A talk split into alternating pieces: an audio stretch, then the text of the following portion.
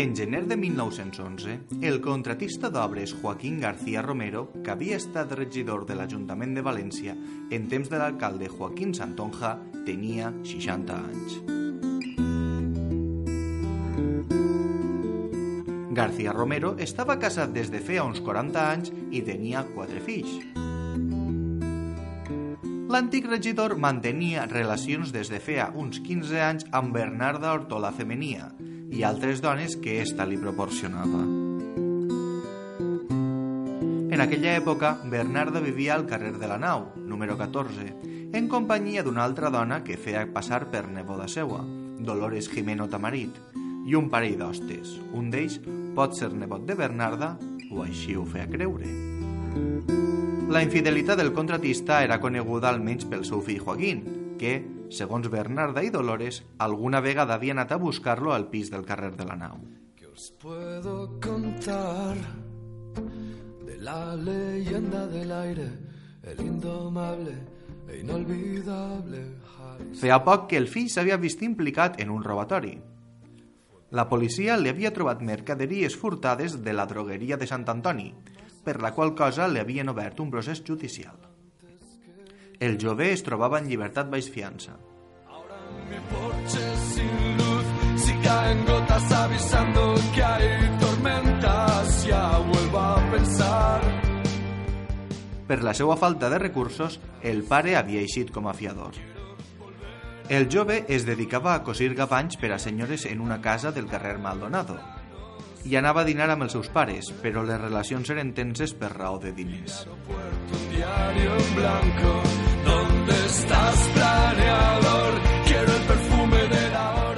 El fill havia arribat a maltractar al pare en públic i fins i tot davant de Bernarda i Dolores, que segons la seva versió va amenaçar-lo amb pegar-li un tir.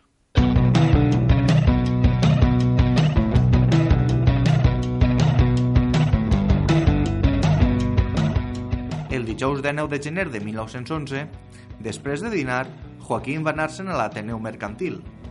A les 3 i mitja va eixir d'esta institució cap a Burjassot, a una casa tradicional de planta baixa i un hort al darrere, ubicada al carrer Isabel la Catòlica número 11, junt a una finca en construcció i a prop de la carretera de Godell.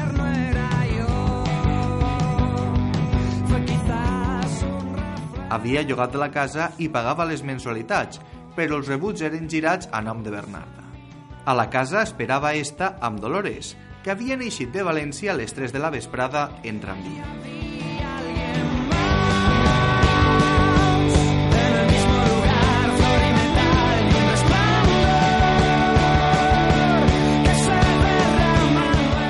En arribar a la casa, Joaquín marxa a l'habitació amb Dolores i damunt del llit es posa a berenar els dolços i pastissos que ell mateix havia comprat de camí i a prendre vi blanc que li servia Bernarda.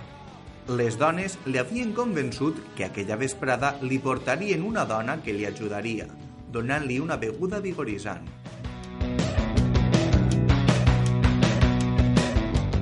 Mentre les dones fingien que esperaven, Bernarda li oferia a Joaquín un got de la beguda, que era, en realitat, un verí d'un compost de mercuri dissolt en vi.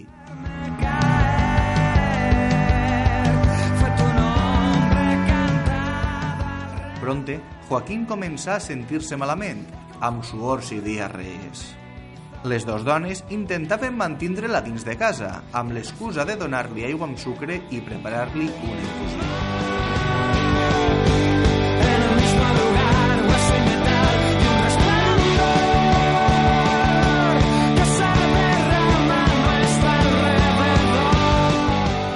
Però Joaquín va fer per anar-se, i això provoca que les dones pugnaren amb ell.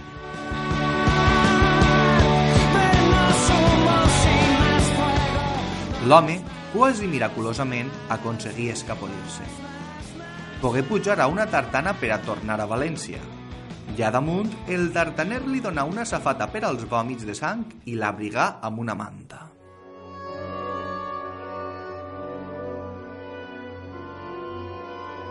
El conductor es dirigí ràpidament a la plaça de la Constitució, que actualment és coneguda com a plaça de la Mare de Déu, on vivia el doctor Eduardo Vilar Torres. Joaquín va dir-li al seu metge que l'havien enverinat. el facultatiu l'acompanyà en un cotxe de cavalls a casa seua, a l'aleshores conegut com el carrer Burjassot, que ara està reanomenat com a carrer de Llíria. En arribar, a les 9 menys quart, isqué la portera i Joaquín repetí que havia estat enverinat. El metge, que havia donat avís al jutjat, no es va separar del malalt en tota la nit. Arribaren els funcionaris judicials i Joaquín va prestar declaració. Cap a les dues i mitja de la matinada, els vòmits deixaren de ser sanguinolents, la qual cosa va fer que la família recuperara l'esperança. Però a les 5 de la matinada, l'home morí.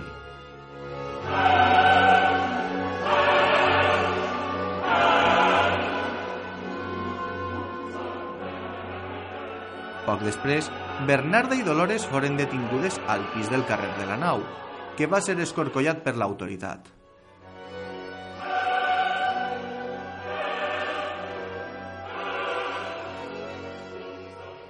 Els funcionaris del jutjat de Serrans, després de fer que un manyà obrira la porta, accediren també a la casa de Burjassot, on trobaren un llit amb la roba desordenada, restes de berenar, un got amb aigua i diverses botelles.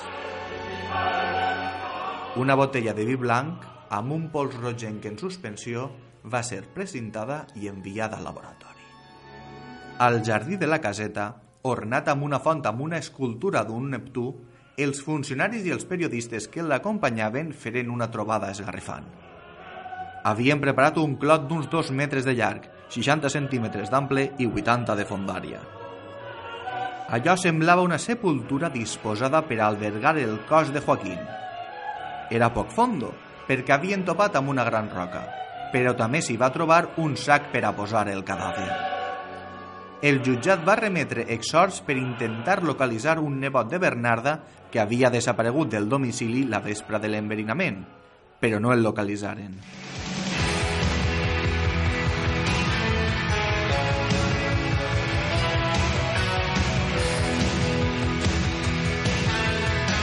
L'opinió pública se sorprengué quan el jutge detingué a Joaquín, el fill del mort. Pensaren que la mort del fiador determinava la detenció cautelar. Tanmateix, la raó era diferent. En les seues declaracions, Bernarda va dir que el fill de la víctima havia promès una considerable quantitat de diners si mataven al son pare, fins i tot, Bernarda afirmava disposar d'un document privat. De fet, diversos creditors de les dones asseguraren a la policia que, pocs dies abans, les dones havien assegurat que prompte pagarien els seus deutes.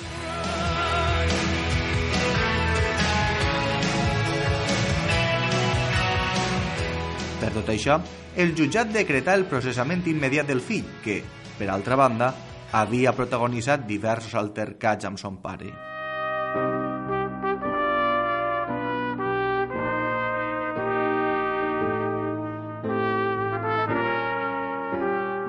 En morir Joaquín, el jutjat va ordenar diverses anàlisis forenses, la qual cosa ajorna la inhumació més de 50 dies.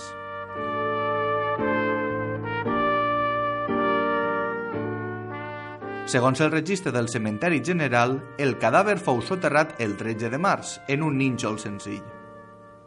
La gent es preparava per a les falles. La seva dona, Maria de los Desamparados, sospitava de la infidelitat de l'home, en un dinar ya le había insinuat. Tu tienes un arreglito. Li preocupava la relació de l'exregidor i el seu fill, però l'enverinament ja ha excedit la seva capacitat de resistència.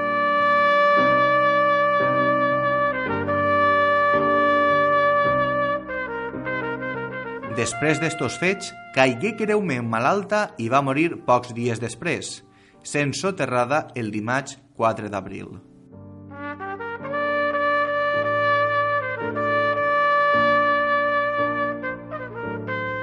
Per al 25 de juny d'aquell any de 1911, el fiscal qualificava la causa i demanava pena de mort per a les tres persones processades, Bernarda, Dolores i Joaquín, el fill de l'exregidor.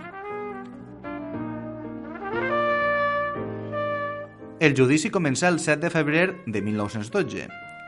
Les dones foren condemnades a cadena perpètua i al pagament d'una indemnització i de les despeses judicials.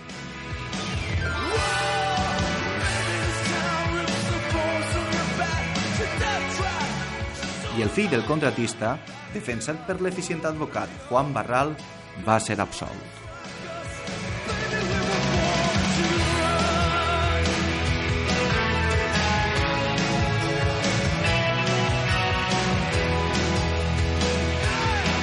Deu anys després de la sentència, en febrer de 1922, Dolores Jimeno va morir.